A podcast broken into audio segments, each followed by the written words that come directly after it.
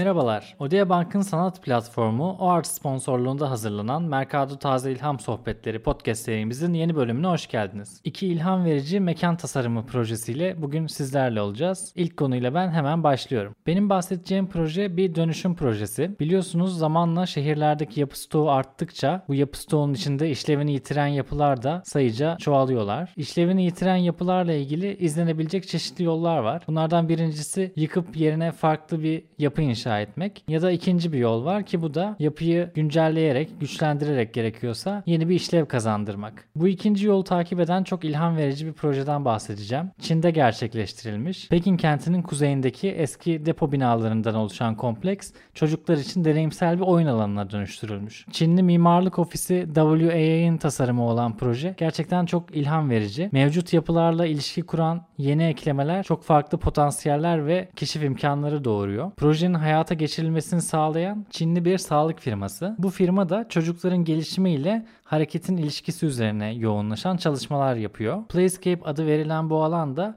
çocukların bol bol hareket edeceği bir alan olarak kurgulanmış. Şimdi gözünüzde canlanması için birazcık projeden ve yapının görünümünden bahsetmek istiyorum. Ortasında avlu oluşturan birkaç depo binası düşünün. Büyük, içleri boş. Bu yapıların içlerinde farklı yaş grubundan çocukların oynayabileceği özel alanlar tasarlanmış. Tırmanma alanları, yumuşak oyun alanları gibi. Ama projenin daha çok dikkat çeken kısmı bana göre dış alanı. Bu alanı kurgularken binaların üzerinden yere kadar inecek ve tekrar yükselecek tepecikler tasarlanmış ve bu tepeciklerin hem altında hem üstünde çocuklar oynayabiliyor. Bu tepecik yaratan yüzeyin üstündeki çeşitli boşluklardan, yırtıklardan girip çıkabiliyorlar ve bu alanı keşfedebiliyorlar. Bir de yine bu alanda hem binaları hem de alanları birbirine bağlayan çeşitli boru benzeri yapılar var.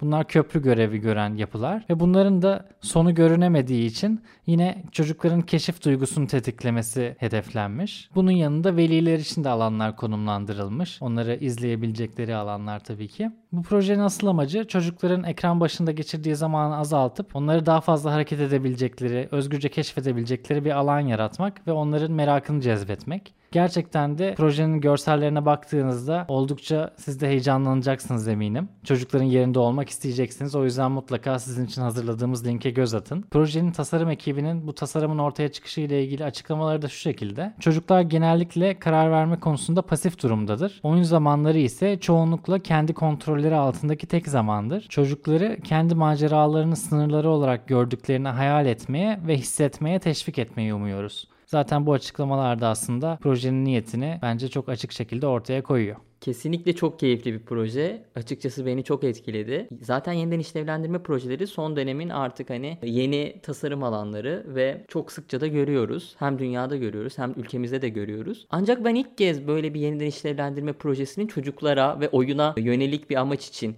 yapıldığını gördüm. O yüzden de ayrıca etkiledi beni proje. Biliyorsun artık şehir yaşamında yeşil alanlara veya da çocuklar için oyun alanlarına çok ihtiyacımız var. Böylesi eski bir depoyu çocuklar için bir oyun alanına dönüştürmek hem de devasa çok büyük ölçekli bir proje. Çok etkileyici olmuş. Açıkçası hani Türkiye'de böyle bir alan olsa çocuklara adanır mıydı bilmiyorum ama hani Çin'de e, bunu yapmışlar. Bu eski depo alanları aslında devasa yerler ve hani bunu çocuklar için bir oyun alanına dönüştürdüğünüzde ölçekler arasında da ilginç bir geçiş oluyor. Çünkü insanlar hani şehir yaşamında aslında çok belirli bir ölçeğe sabit kalıyor. Ona alışıyor ve siz onlara bir oyun alanı bile tasarlarken aslında küçük ölçeklerde sıkıştırmak zorunda kalıyorsunuz belli alanlara. Ama böylesi dev bir alanı çocuklara adadığınız zaman onlara sunduğunuz olasılıklar da artıyor.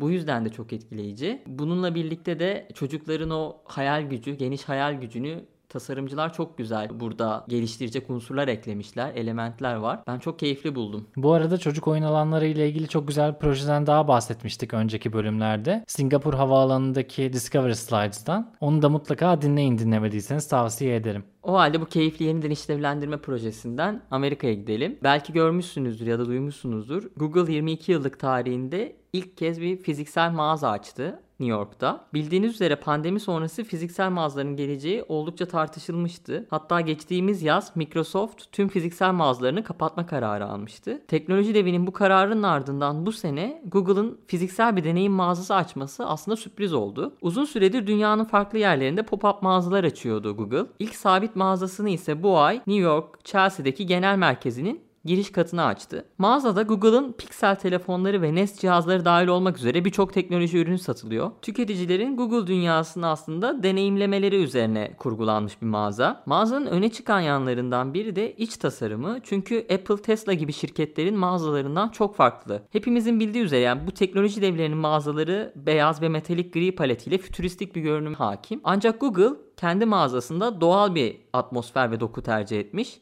Ahşap döşemeler ve bu sıcak ortam Google'ın yeni mağazasında öne çıkıyor. E, bu bilinçli tercihi markanın tasarımdan sorumlu direktörü Ivy Rose şu şekilde açıklamış. Felsefemiz teknolojinin hayatımıza uyması, göze çarpması veya öne çıkması değil. Bu alanı insani hissettirmek istiyoruz. Çünkü teknolojinin insan olarak olanaklarımızı genişletmek için bir araç olduğuna inanıyoruz demiş. Aslında bu Google'ın genel felsefesi ve hani misyonunu da yansıtıyor. Rose alanın tasarımında ödüllü mimar Suchi Reddy ile birlikte çalışıyor. İkili daha önce Milano Tasarım Fuarı için fiziksel alanların hissetme şeklimizi nasıl değiştirdiğini araştıran bir sergi içinde bir araya gelmişti. Bu sergiyi belki biliyorsunuzdur. John Hopkins Tıp Okulu işbirliği ile gerçekleştirildi. Çevremizdeki estetiğin yani renkten dokuya kadar bedenlerimizi nasıl etkilediğini inceleyen, gelişmekte olan nöroestetik alanı hakkında araştırmaları kapsayan bir sergi. Bir bakıma bu geçmiş sergideki çıktıları kullanarak Google için fiziksel bir mağaza tasarımı gerçekleştirmişler. Bu da mağazanın bir diğer ilginç özelliği. New York'a gidenlerin mutlaka uğraması gereken yerlerden birisi olmuş. Evet özellikle pandemi sonrası bu kadar fiziksel mağaza kapanırken Google'ın mağaza açması bir yandan ilginç bir yandan da değil benim için. Çünkü Google teknolojileri ekranın arkasında kalmaktan çoktan çıktı. Ev teknolojileri, asistanlar derken tamamen yaşayışımızın içine dahil oldu. O yüzden bir deneyim mağazası olması bence çok mantıklı. Gerçekten bir cazibe merkezi olacaktır. Çekim oluşturacaktır. İki ilham veren güncel tasarım projesiyle bugünü de kapatıyoruz. Odea Bank'ın sanat platformu OART sponsorluğunda hazırladığımız Mercado Taze İlham sohbetlerinin bugün de sonuna geldik. Gelecek hafta görüşmek üzere. Kendinize iyi bakın.